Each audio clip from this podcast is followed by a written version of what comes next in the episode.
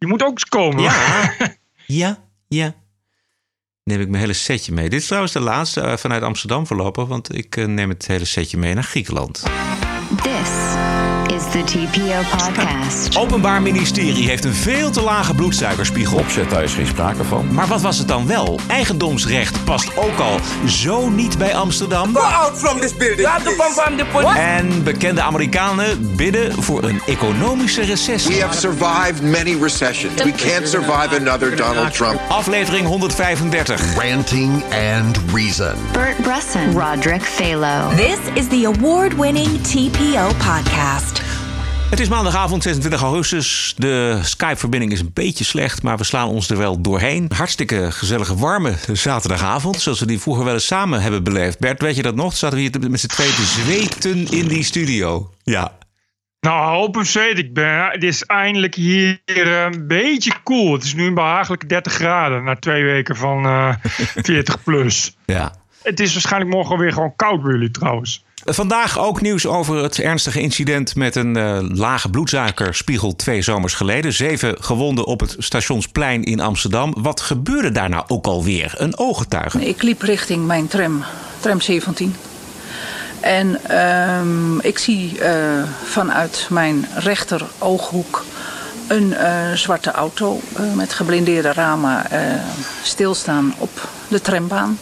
Ik heb dus gezien dat uh, de raampjes open gingen aan beide kanten en dat de agenten de bestuurder in de auto aanspraken. Uh, en ik doe ongeveer vijf stappen naar voren.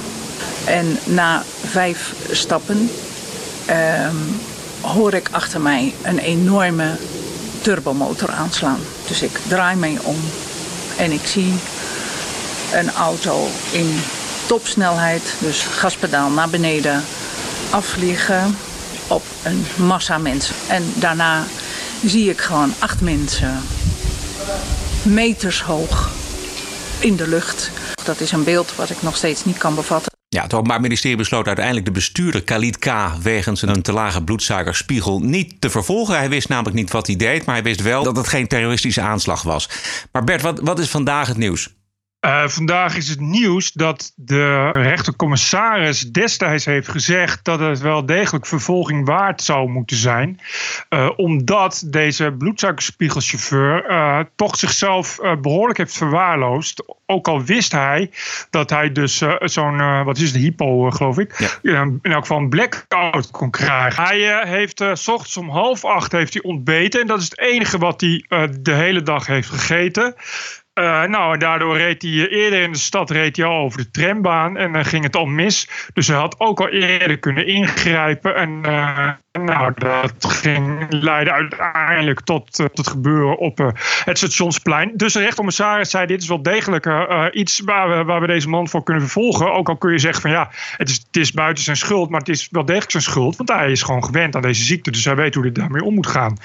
op het allerlaatste moment heeft het OM uh, dus ineens gezegd, nou ja, we gaan hem toch maar niet vervolgen. Uh, nou, en, en dat OM wil dus, niet, wil dus niet zeggen waarom ze ineens die ommezwaai hebben gemaakt. En het is bizar omdat het OM destijds zelf ook heeft gezegd al in de media dat ze daar een zaak in zagen. Wij denken niet dat dit opzet is geweest vanwege de omstandigheden die u noemt. Hij had een abnormaal lage glucosespiegel.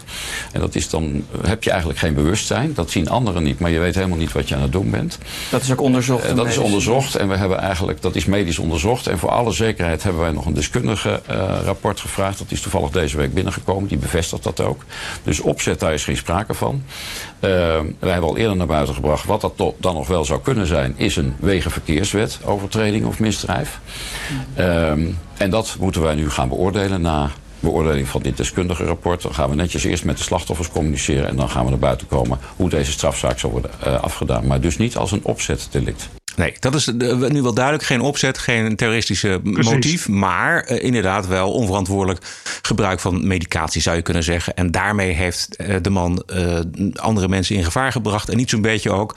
Want zoals we hoorden in het ooggetuigenverslag... vlogen er zeven tot acht mensen uh, door de lucht, door uh, toedoen van deze Khalid K. Maar het Openbaar Ministerie speelt hier dus een heel uh, vreemde rol en is niet open en niet duidelijk. Nee, want geen stel heeft ook wederhoor gevraagd, dus ze willen daar niet op reageren. En die advocaat van de slachtoffers, die heeft nu ook gezegd als reactie erop: van ja, dit is gewoon niet uit te leggen. Dit is gewoon ook, ook, ook ja, bizar naar de slachtoffers toe. de, dat, dat het OM uh, ineens zeg maar, dat dus niets wil doen. Terwijl er waarschijnlijk wel gewoon wat valt te doen. En de vraag is nu waarom dit nu weer zo raar wordt gespeeld. Wat er aan de hand is. Ja. En daar kunnen we alleen maar over speculeren. En dat doe ik heel graag. Ja, doe maar. Uh, uh, ja, dat zal ik dus eens even doen. Uh, ik denk dat een van de redenen is dat destijds al heel snel uh, de zaak is opgepakt door geen stijl en een hoop andere social media en alternatieve media. En dat iets is wat de politie vanaf het begin af aan, of in elk geval het OM ook vanaf het begin af aan, niet heeft bevallen.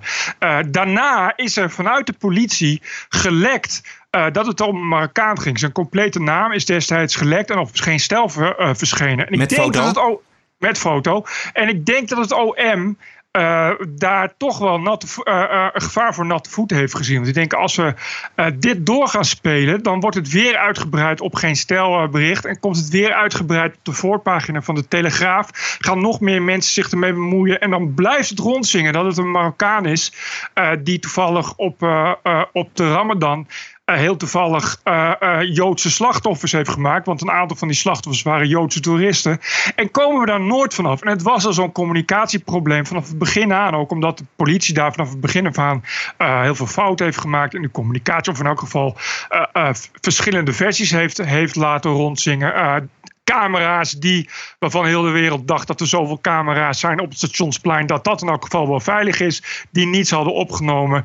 Dus ze wilden natuurlijk heel graag van die hele zaak af zijn. Dat is in elk geval mijn speculatie. Het Openbaar Ministerie kan hier natuurlijk een oplossing geven door gewoon open en duidelijk te zijn waarom zij in deze zaak geen vervolging zagen. Het OM moet volgens mij toch nog wel met een reactie komen. Nee, want dan krijg je dat er uh, om redenen van privacy en om uh, redenen om uh, andere zaken niet te schaden en om redenen om bepaalde belangen die nog spelen, weet je, dat, daar hebben ze altijd reden voor om dat niet te vertellen. En volgens mij is het OM helemaal niet verplicht om daar open over te zijn. Dan zeggen ze dus gewoon, maar sorry, we kunnen hier verder niet over communiceren. Nou, ze zeggen meestal dan van, wij zien geen reden tot Precies. vervolging. Nee, ja, maar goed, dat, dat weten we dus. Maar als je dan vraagt waarom, zeggen ze van ja, de, daar, daar, daar, daar kunnen we op dit moment kunnen we daar, daar niets over zeggen. Want dat schaadt het belangen ook. Eh, zeker in de privacy. Want daar is eerder iets over te doen geweest. Over die privacy, over, over die zaak. Ja, dit is, dus dit zal, dit zal het worden. Ik geloof niet dat het OM hier nog met een duidelijk verhaal naar buiten gaat komen. Of zou het zo kunnen zijn dat ze, het OM denkt dat omdat er uh, toestanden zijn geweest rond de privacy van deze persoon. Dat ze denken, ja, de rechter gaat uiteindelijk toch besluiten van ja, dit is niet goed gegaan. Dat is een, uh, een, een vrijspraak. Dat zou kunnen. Ik, dat, dat zou ook kunnen, dat ze daarop hebben gegokt. Maar dat lijkt me niet, want ze hebben gewoon er echt voor gekozen om uh, de zaak verder niet voor te zetten. Ja. Want volgens mij is het zo dat, ze, dat, dat uh, de slachtoffers een artikel 12 hebben, ze Ja. wil, uh, hebben ingediend. En dat uh, dus de uitspraak daarvan was vervolgens van er is wel degelijk grond voor een zaak. En dat het OM toen ineens heeft gezegd, nou we gaan het toch niet vervolgen. Dus het zou kunnen dat ze in eerste instantie ook wel op vrijspraak hebben gehoopt. En dat ze blij waren met vrijspraak. Maar dat ze uh, na die artikel 12 uh, daar uh, toch ineens natte voeten kregen. Of in elk geval koud watervrees. Is hiermee de kous af, denk jij? Nou, in deze zaak wel. Een anoniem iemand die uh, heeft er geen stel getipt. En die heeft ook heel veel uh, gewopt. En die heeft daar ook heel specialistisch op gewopt. Ook langdurig. Net zolang tot hij iets kreeg waar hij ook wat mee kan, kon. En tussen de regels door dit eruit haalde. En het een en ander bij elkaar voegde. Uh, die had mij ook gemaild. Maar ik kon er zo snel geen nieuws van maken. Terwijl bij geen stel.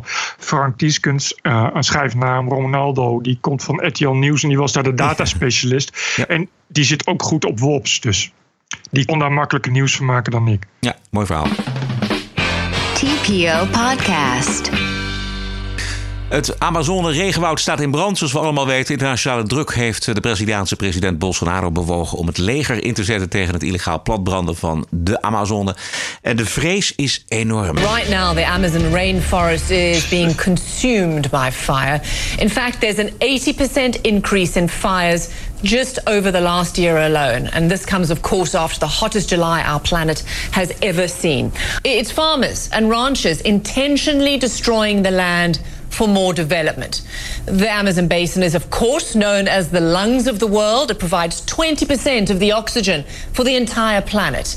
Juist. Uh, dit is een van de zaken die uh, de wereld in wordt geslingerd. Iedereen roept het. Het is natuurlijk buitengewoon erg dat er zoveel branden zijn en dat er uh, delen van het regenwoud worden omgekapt wegens behoefte aan landbouwgronden. Dat speelt al eigenlijk al jaren.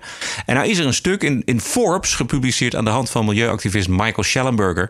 Dat is een man met een lange staat van dienst op het gebied van milieubescherming. En die wijst ons in dat stuk op nogal wat misinformatie aangaande de branden in het Amazonegebied, Bert misinformatie, desinformatie en nepnieuws. Uh, dit speelt al een tijdje. Uh, uh, ik had het van de week ook over geschreven, want wat blijkt bijvoorbeeld, NASA, die zeggen, die, die controleren die branden vanuit satellieten, die zeggen van, maar het aantal bosbranden in het Amazonewoud is eigenlijk nog iets onder het gemiddelde. dus er is dit jaar helemaal niet zo heel veel meer extra aan de hand als alle voorgaande jaren. Dan heb je het over tien en tien en tientallen jaren. Want zoals gezegd, uh, het zijn vooral boeren die stukken grond platbranden.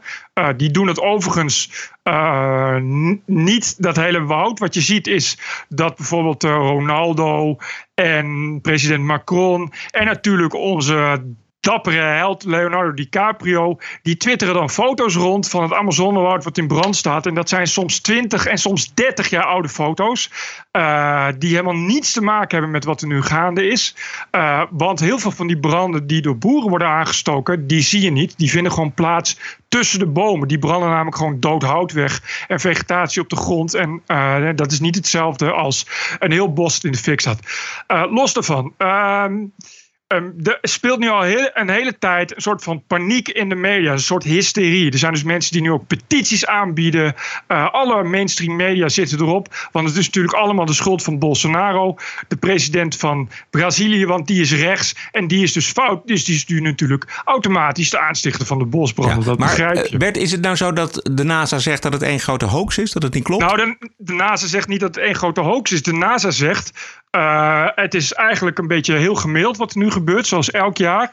Uh, verder zegt de NASA, er zijn exact genomen 7% meer branden uh, in heel Brazilië. En dat is uh, afgemeten over een gemiddelde van 10 jaar tijd. Uh, dus er zijn wel meer branden. Je hoort nu mensen zeggen 80% meer. En dat is inderdaad. Uh, vorig jaar waren er ongeveer 35.000 op dit punt. Nu zijn het ongeveer eh, meer dan 70.000. maar de NASA zegt. Uh, dat moet je zo niet bekijken. Als je dat over een gemiddelde van 10 jaar tijd bekijkt, uh, is het maar een heel klein procent meer. En het gaat niet om de Amazone, dat is heel belangrijk. Het gaat om branden in heel Brazilië. Niet heel Brazilië is de Amazone. Ah. Iets anders, veel belangrijker, en dat is waar Michael Schellenberg vandaag het geweldige stuk over schrijft.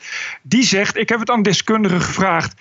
En het Amazonewoud zijn niet de longen van de wereld. Dat is een hoax die we nu al tig jaar horen. Ik kan me herinneren dat ik dat al hoorde toen ik klein was. Ongeveer, ongeveer in dezelfde tijd dat ik hoorde dat de wereld eraan ging omdat we allemaal zure regen hebben. Dat bleek ook niet zo te zijn. Uh, hij heeft gevraagd aan een, uh, een expert op gebied van uh, Amazonewoud, en Dan Napstad. En die zegt: It's bullshit. There's no, totally no science behind it. The Amazon produces a lot of oxygen. But again, it uses the same amount of oxygen through respiration. So it's a total wash. Oftewel, uh, Amazone produceert natuurlijk wel, groen, uh, wel, wel, zuurstof, want het zijn allemaal groene bomen. Maar het heeft ook weer heel veel zuurstof nodig. Dat haalt het weer uit, waardoor je gewoon op nul uitkomt. Sterker nog, uh, meer dan 80%, en dat is iets wat we vaak ook niet horen, van de zuurstof wordt gemaakt door algen, door zeewieren. Door dus alles wat op de oceaan drijft. Wat niet zo gek is, aangezien we heel veel oceaan hebben op de wereld. Ja. Daar komt de zuurstof vandaan, niet van het Amazonewoud. Ja. Vanavond zelfs de NOS, Bert. De NOS schrijft: Het is een wijdverbreid misverstand dat de Amazonewouden de longen van de aarde zijn, zegt Amazone-onderzoeker Bart Kruid van de Wageningen Universiteit. Juist. Door fotosynthese nemen bomen CO2 op en produceren ze zuurstof, maar ze nemen net zoveel op als ze uitstoten. Ze gaan pas zuurstof produceren als ze groeien. En dat is in het Amazonegebied niet het geval. Het wordt dus juist minder. Bovendien, de planten die in de plaats van de bomen komen, produceren ook zuurstof. En Exact. over, hij zegt ook iets over de longen. Oh ja, er wordt beweerd dat het Amazonegebied verantwoordelijk is voor 20% van onze zuurstof. Klopt ook niet, zegt hij. Ik denk dat mensen het verwarren met dat er bijna 21% zuurstof in lucht zit. ook de beschikbare hoeveelheid zuurstof in de lucht hebben de huidige branden in de Amazone bijna geen effect. Volgens wetenschappers gaat het naar schatting om een verschil van 0,001%. Dus we kunnen met een gerust hart uh, Dit. vaststellen dat er En- nogal wat onzin over de Amazone wordt heen gesproeid. Wat Schellenberg schrijft, die spreekt dus ook onderzoeksjournalisten in. Officieel. Het is officieel. De Skype-verbinding is slecht. Wat Schellenberg schrijft, die heeft ook onderzoeksjournalisten gesproken in Brazilië. En nou, dat zijn heus geen pro-Bolsonaro-journalisten. Uh, maar die zeggen ook van luister, uh, het, het is gewoon bullshit om nu te zeggen: dit ligt aan Bolsonaro. Die zeggen onder uh, de socialistische president, even kijken of ik het hier heb. Uh, onder de socialistische president Marina Silva in 2003, 2008 uh, was het moment dat in Brazilië de hoogste aantal bosbranden hadden. Uh, weet je, en dat zijn, gewoon, dat zijn gewoon dus keurige onderzoeksjournalisten. Dat zijn gewoon mensen die echt ook onderzoek hebben gedaan naar de feiten. En die zeggen ook van ja, weet je, wat er gebeurt, is dat heel veel mensen die zitten lekker uh, in Brazilië of Sao Paulo. Journalisten die, die duizenden kilometers verderop hun stukje stikken over uh, bosbranden in het Amazone. Zonder dat ze überhaupt een idee hebben van waar die branden precies zijn of wat er gaande is. Je moet je ook voorstellen dat veel van die farmers niets illegaals doen. Die doen het al tientallen jaren. Um, daar is gewoon een gebied voor uh, beschikt gesteld. En wat je net ook al hoorde van die wetenschappen van in Wageningen. Uh, nadat zo'n bos is platgebrand, laten ze het terrein weer braak liggen. En branden ze een ander stuk plat. En komen er weer groene planten op dat braakliggende stuk terrein. Ja. Uh, veel belangrijker is ook. Uh, dat ook uh, dankzij uh, de druk van de afgelopen jaren is er al heel veel sprake van bescherming van het Amazonewoud. En dat betekent dat meer dan 80% van het Amazonewoud is al behoorlijk strikt beschermd. En tegen ontbossing, tegen illegaal gebruik, tegen houtkap. dus er is helemaal geen reden voor zorgen voor het zogenaamde platgaan van de longen van de wereld. Nou zie ik ook regelmatig in verslagen, ook op de Nederlandse televisie, ook elders, uh, indianenstammen die in keurig Portugees mm-hmm. uitleggen dat het wel degelijk een probleem is. Dat komt wel uh, geloofwaardig over, moet ik zeggen. Ja, uh, er zijn uh, natuurlijk ook uh, Indianenstammen die er belang bij hebben. Die graag willen dat de boeren ophouden met, met farming. Ja. En die graag hebben dat überhaupt wordt opgestapt met ontbossen. Want nogmaals, 80% is beschermd. Maar dat betekent dat 20% niet beschermd is. Dus dan heb je nog steeds over hele grote gebieden. Ja. bovendien zitten er natuurlijk ook heel veel andere krachten achter. Er zijn, is heel veel politiek, politieke winst bij te halen. Zeker nu Bolsonaro aan de macht is. de oppositie is natuurlijk maar wat blij als ik kan zeggen uh, dat er dankzij Bolsonaro nu ineens ja, zeg maar zo'n beetje de hele wereld straks ten onder gaat omdat de Amazone afbrandt. dus je moet dat, ja, hoe moeilijk dat ook klinkt, genuanceerd bekijken. En dat is best wel lastig, zeker in zo'n groot gebied. Maar natuurlijk zijn er Indianenstammen die de afgelopen pak een beet 50 jaar hebben gezien hoe de Amazone steeds kleiner werd. Uh, en, en, en nog voor een gedeelte ook kleiner wordt. Bovendien hebben die Indianenstammen uh, zijn niet geheel unbiased, want wat die willen is blijven leven op hun manier. En die hebben dus weinig zin in de moderniteit. En de moderniteit is vrijwel alles nou ja, voorbij de steentijd waarin die mensen leven, die ze dichterbij zien komen. Dat is niet alleen het ontbossing van uh, de ontbossing, maar dat is natuurlijk ook uh, vervuiling, dat is uh, automobielgebruik, dat is, dat, weet je, noem allemaal maar op. Dus er zitten veel meer haken en ogen aan en het is iets waar. Ik moet zeggen, overigens, dat ik blij ben dat nu ook de NOS het noemt. Ik zag dat Schellenberg schreef dat ook CNN en de New York Times uiteindelijk nu wel netjes hebben gezegd van. Ja. Uh, het ligt niet uh, aan de global warming uh, en het zijn niet per se de longen van de wereld. Dus daar begint wel iets in te verschuiven. Maar ik zag ook tegelijkertijd op social media, als je die mensen vertelt van jongens, het is allemaal niet waar wat Leonardo DiCaprio en zijn uh, zeven dappere deugers jullie allemaal voorschotelen. dat die mensen dat ook niet willen horen. Dat ze echt hysterisch zeggen, verschrikkelijk, we gaan er allemaal aan. Verschrikkelijke beelden, heb je dat gezien? We moeten petities verzinnen. En ja, die hysterie is natuurlijk moeilijk in te dammen. En je ziet dat sommige mainstream media daar natuurlijk ook wel ja, makkelijk in meegaan. En dat liever in de laatste alinea zeggen, die feiten, dan in de eerste alinea.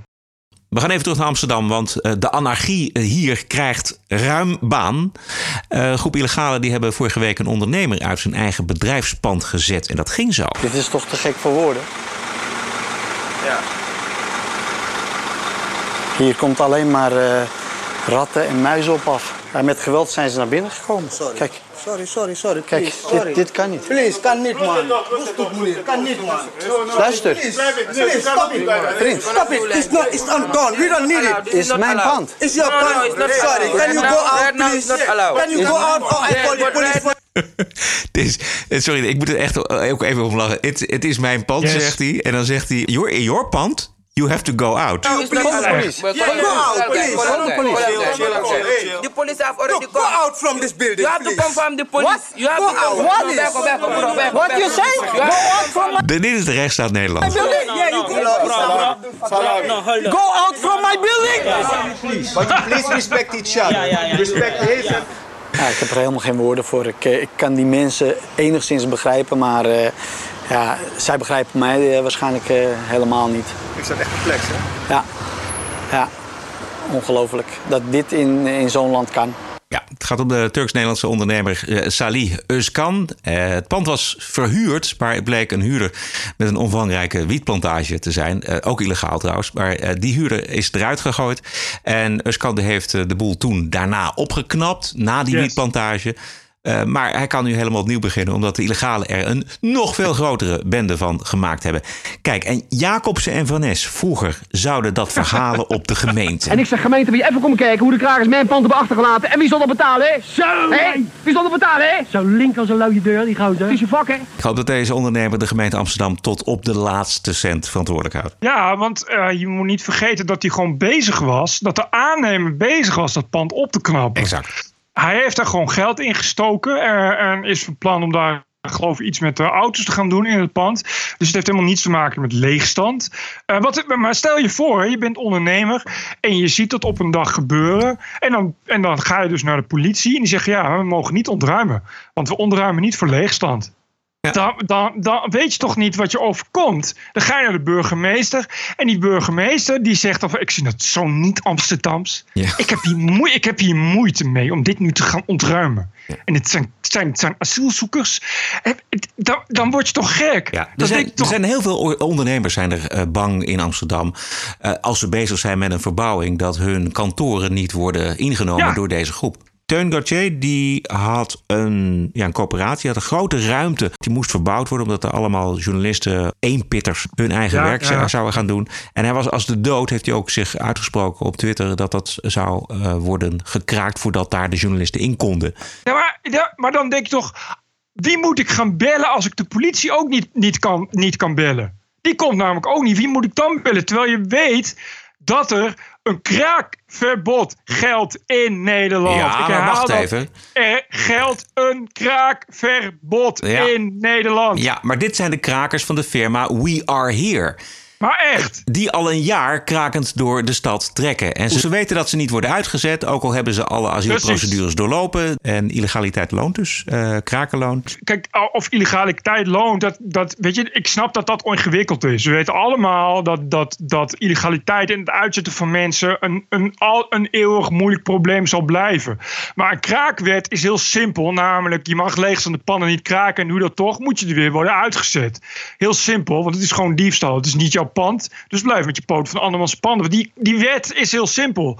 En als je nu dus een gemeentebestuur hebt wat die wet niet uitvoert, dan heb je dus gewoon een, een gemeentebestuur dat in gebreken blijft. Die overtreedt als het ware gewoon de wet.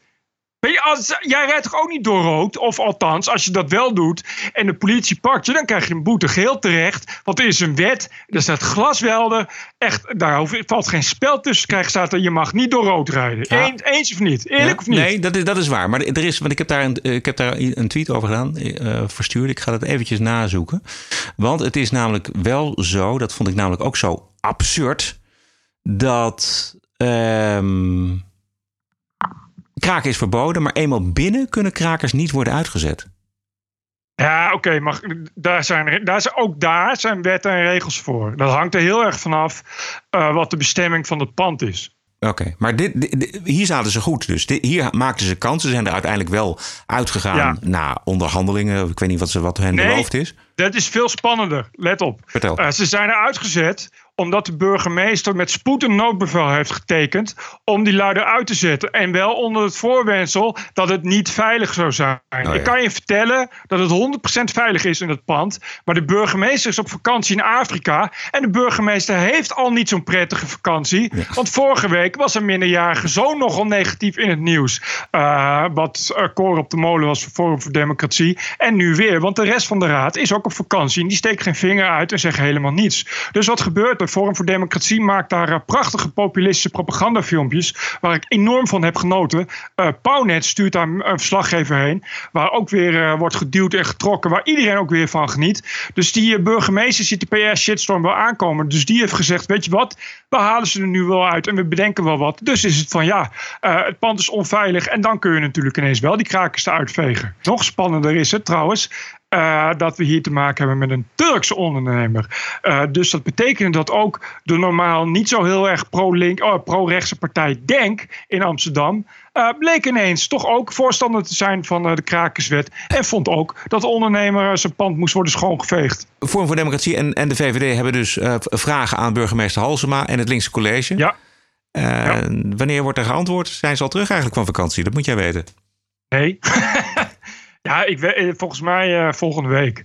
Eh, maar dit is, dit, dit is echt bizar. Het is echt bizar hoe gewoon alles stilvalt. Als ze op vakantie zijn. En dat weet ik dus omdat Forum voor Democratie zijn de enige, heel slim, die eh, geen, geen vakantie houden. Die hebben ook wel reces, maar die gaan gewoon door met, met politiek bedrijven. En dan zie je dus, ook met, de, met, eh, met die afvalverbrandingscentrale, waar natuurlijk ook heel veel over te doen is. Er komt gewoon geen reactie, gewoon nul reactie vanuit GroenLinks. Gewoon niks, noppes. Ja, sorry, we zijn op vakantie. Wat echt toch totaal bizar is. Nou ja, dus dat was al onbestuurbaar, dus die wordt nu helemaal niet bestuurd. Nee, letterlijk. Juist. This is CNN Breaking News. Donald Trump is not going to be president of the United States. Welcome to Morning Joe. Mr. President, if there is no collusion. The government shutdown is now in week four. Today was not just like a normal stormy day in the news. This is not just my opinion. TPO Podcast. This is evidence. Het uitgebreide Mueller-onderzoek van twee jaar heeft de anti-Trump-brigade niet opgeleverd wat ze hoopten, namelijk impeachment van de president. En nu wordt er gehoopt op een recessie volgend jaar, een economische recessie. De hele anti-Trump-brigade, democraten en een aantal journalisten en tv-personalities, die uh, hoopt dat echt. Presentator Bill Maher, die zegt het. Well, you should re- wish for a recession because that will definitely get him really- unelected. Okay, but Bill, you don't really want a recession. I really do. You're gonna knock we have survived many recessions. We can't survive knock- another Donald knock- Trump term. lower middle income people out of work. Yeah, applaus voor de man die om een recessie roept om van Trump af te komen. Mooi iconisch voorbeeld van hoe hoog verheven de democratische elite uitstijgt boven het gewone volk. Want deze Bill Maher is een miljonair en kan een recessie wel leiden. Maar voor het gewone volk betekent het eigenlijk gewoon heel simpel: geen baan, geen geld en een en al ellende. He really should be ashamed of himself. Recessions can really hurt. To say bring on the recession shows a complete, you know, not caring for the rest of the country while he's sitting in his post, making millions, making jokes on television every night. Not everybody has your situation. Dit is Maria Bartiromo van Fox Business en zij heeft er kijk op. Bill Maher, die eh, eh, zei, hoe heet die uh, miljardair, die is overleden, die Koch. Daarover heeft Bill Maher gezegd dat hij blij was dat hij dood was. Eh, en dat hij heeft gehoopt dat hij veel pijn heeft geleden. Fatsoenlijk links. Echt. Dan ben je toch, uh, ja, ik vind prima dat hij het zegt, hij mag het zeggen. Maar dat vind ik altijd zo, zo laf en zwak. Dat je dan, dan, weet je, als iemand dood is, is die dood. Gun mensen dan hun verdriet. Want ja, het is gewoon iemands kind en iemands vader en iemands opa. Maar omdat hij dan uh, verkeerd, heeft, verkeerd is ja. en aan het verkeerde dingen heeft gedoneerd. En uh, uh, volgens Bill Maher ja, schuldig is aan al het leed in de wereld. Maar was, dan, het, was het een grapje of was het ook echt gemeend? Want dit over de recessie is echt gemeend. Dat, dat zegt hij echt. Ja, dit, dit was hetzelfde. Ja. De, hoe, hoe is een grapje? Ja, bij Bill, Maher is het natuurlijk altijd een grapje. Want het is satire. Ja. Maar ja, dat je, dat, je denkt, dat je denkt van jongen, jongen. Het is, te, het is wel een beetje, het is soms een beetje uh, dat je denkt van waar, waar, waarom, dat snap ik gewoon niet. Weet je, dan denk van waar, waarom laat je niet zien hoe, hoe het beter moet? Weet je wel, waarom laat je niet zien uh, hoe dat fatsoen waar je het over hebt? Je kan wel zeiken over Trump, maar als je dan zelf uh, even aankomt, dan is het van oh nee. Dan eh, gaan we zelf even, even nog dieper, nog dieper en nog zwakzinniger dan, eh, dan Trump ooit zou doen, zal ik maar zeggen. Anyway. Ja. Facebook gooit zijn nieuws om. Zuckerberg die wil zich meer richten eh, op het nieuws over mensen. Jij weet daar meer van? Mm, ik, eh, eh, Zuckerberg en Facebook hadden voor 2016 eh, een trending nieuws tab of een trending eh, een nieuwslijn waarop eh, eh, Facebook-bezoekers konden zien wat er op dat moment trending was. Nou ja, dat betekende dus dat er ook heel veel nepnieuws, of in elk geval desinformatie, of in elk geval nieuws wat heel veel democraten niet bevalt, namelijk van Fox en Breitbart, kwam telkens bovenaan. Daarna kwamen, werd dus Trump president in 2016 en kwamen de beschuldigingen dat het natuurlijk allemaal aan de Russen lag en aan Facebook, doordat er te veel desinformatie was verspreid. Daar eh, is Zuckerberg nogal van verschrokken en is een stekker uit de trending nieuws gehaald. Nu willen ze eh, iets nieuws gaan maken en dat is eh, door journalisten cur- curated, eh, dus bijgehouden nieuws. En dat wordt dan een eh, aparte tab met eh, Facebook nieuws. En daarin komen vooral betrouwbare bronnen. Eh, en daarvoor worden nu ja, eh, journalisten worden ingehuurd. eh, en die moeten dan nou ja, uit het nieuws gaan filteren wat belangrijk en goed nieuws is. Eh, dat gaat natuurlijk betekenen dat he- heel veel mainstream nieuwsmedia als CNN en BBC veel worden genoemd. En New York Times en de Washington Post en Breitbart en Fox News veel minder. Daar kun je op je vingers wel gaan natellen.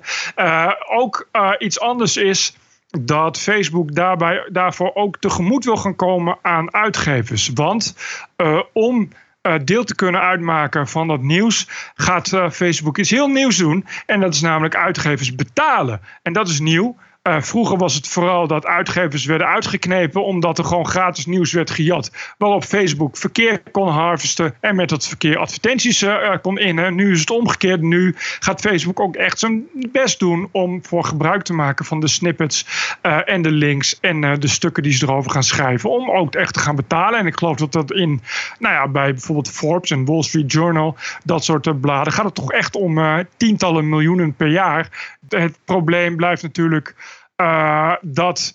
Ja, het zijn natuurlijk liberale bronnen. Het zijn natuurlijk eh, mainstream media met, eh, met belangen in, in de democratische presidentskandidaten. Dus je zult zien dat tegen 2020 dit soort nieuwsapps live gaan.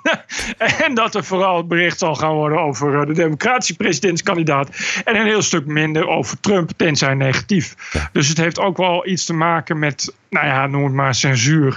eh, en de bekende desinformatie en fake news. Waarvan we allemaal nog steeds niet weten hoe dat precies dan, waar de grens dan precies gaat liggen. Maar de, vo- de voorkeur is wel duidelijk. De voorkeur ligt bij de New York Times, bij CNN, bij NBC, bij. ABC. Daar ligt het. Nou goed, als Donald Trump over vier jaar geen president meer is, of over vijf jaar, dan zou dit ook nog wel eens een baantje kunnen zijn bij Facebook voor Donald Trump, want die heeft ook kijk op luister. You know, I made a lot of money for NBC with The Apprentice, and I used to like them, but they are the most biased. Peter is such a bias. You should you should be able you should be able to ask a question, same question in a better way. You are so obviously biased. And that's why the public has no confidence in the media. Go ahead. Well, I think the New York Times now has totally lost credibility. Uh, they've given up on the Russian collusion delusion. And now what they're doing is they're trying the racist deal. And that's not going to work because I am the least racist person ever to serve in office, okay? but the New York Times, they're trying everything they can. It is a totally dishonest newspaper. In six years, when I'm not here, the New York Times goes out of business very quickly. I think CNN has more credibility than NBC. Did you hear what I said? I said you have more credibility than this guy. Go ahead. And that's not saying much because I don't think you have very much credibility. Trump die stond bij een helikopter, zoals je hoort. En eh, hij had nog wel even tijd om wat vragen te beantwoorden. Maar hij beantwoordde geen enkele vraag. Hij ging gewoon eventjes ranten tegen de journo's die daar stonden. Ook over, over New York Times heeft hij wel gelijk. Want die eh, hebben inderdaad echt nu de strategie om eh, vooral alles over, over ras en racisme te doen. Eh, en dat is echt bewust, dat hebben ze ook gezegd. Eh, de baas heeft dat ook zo, zo gecommuniceerd om, eh, ja, om een nieuwe, nieuwe lijn te zoeken. Inderdaad, omdat ja, de Russian collusion is een beetje opgehouden, is een beetje opgedroogd. Dus het wordt nog meer identiteitspolitiek. Ja. Tegelijkertijd heeft CNN uh, lijkt steeds meer problemen te krijgen met uh, al dan niet vermeend antisemitisme. Ze hadden natuurlijk laatst al een uh, probleem met, met zo'n cartoon in de, in de internationale ja. versie van de New York Times.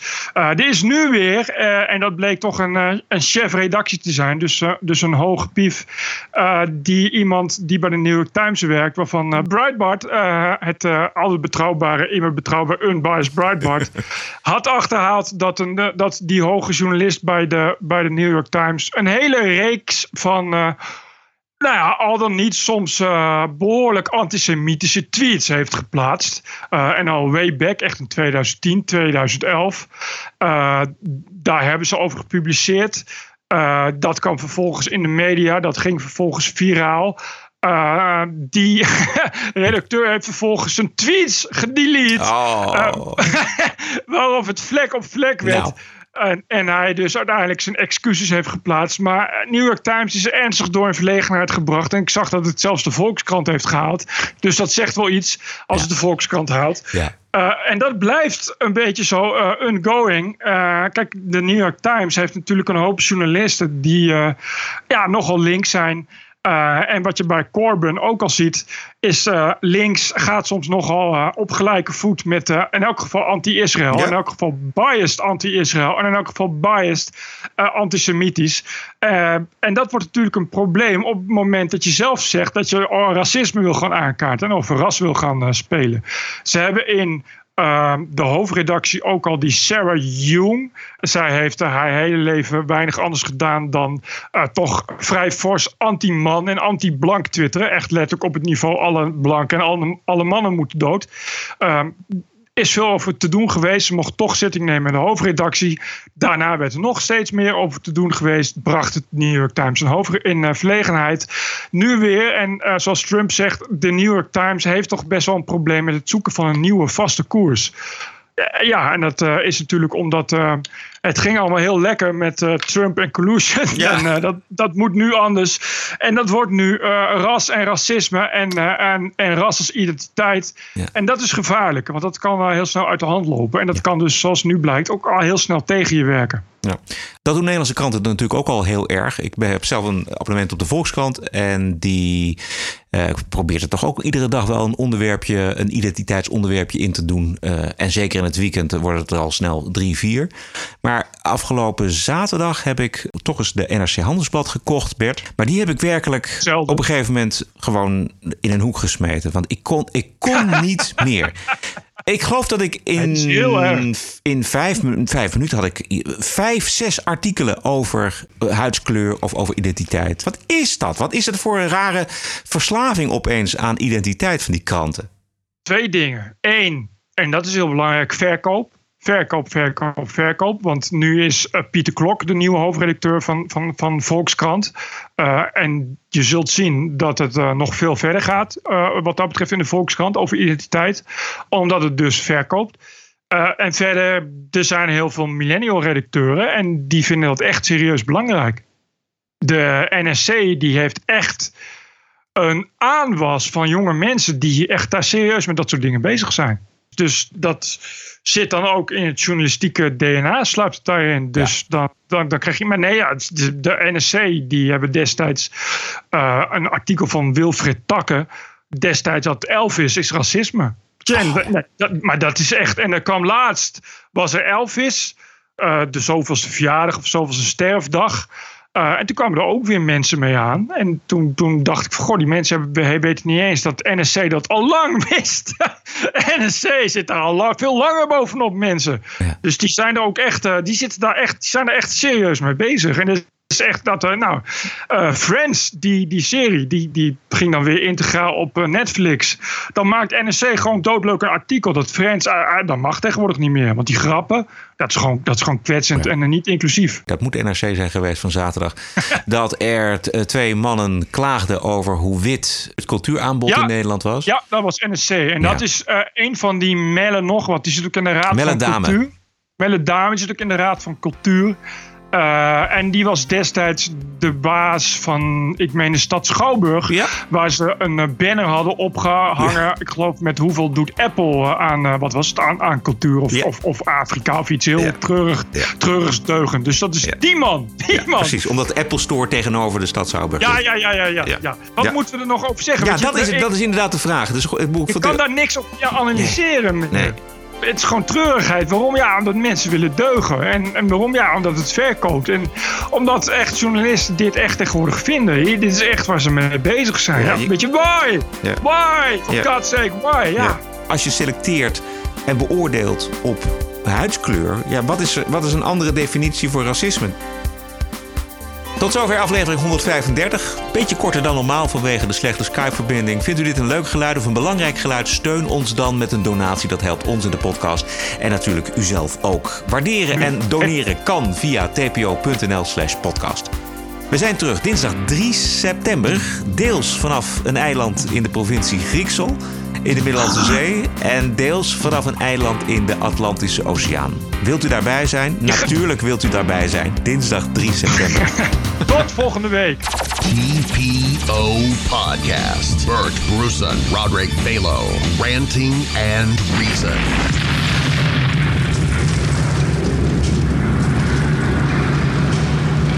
liberals have become utterly, pathetically illiberal. And it's a massive problem. What's the point of calling yourself a liberal if you don't allow anyone else to have a different view? You know, this snowflake culture that we now operate in, the victimhood culture, the, you know, everyone is has to think a certain way, behave a certain way. Everyone has to, you know, have a bleeding heart and tell you 20 things that are wrong with them. And, you know, I just think it's all completely skewed to an environment where everyone's offended by everything and no one's allowed to say a joke. If you said a joke 10 years ago that offended somebody, you can never host the Oscars, you know? So now there's no host for anything. the Emmys now just said they're not going to have a host either. So hosts have gone. And soon every award winner will go because everyone's a human and they're all flawed. So no one can win awards anymore because there will be no platform before they even get on the podium. So then no hosts, no stars, then no one can make any movies because we're all flawed. So no actors, right? So suddenly, where are we? The liberals get what they want, which is a humorless void where nothing happens, where no one dare do anything or laugh about anything or behave in any way that doesn't suit their rigid way of leading a life. No thanks. So what's happening around the world? Populism is- is rising because people are fed up with the PC culture. They're fed up with snowflakery. They're fed up with everyone being offended by everything. And they're gravitating to forceful personalities who go, this is all nonsense. Waarderen en doneren kan op tpo.nl slash podcast. Podcasting is the TPO podcast in the Netherlands. Bert and Roderick. What a show. I'm telling you.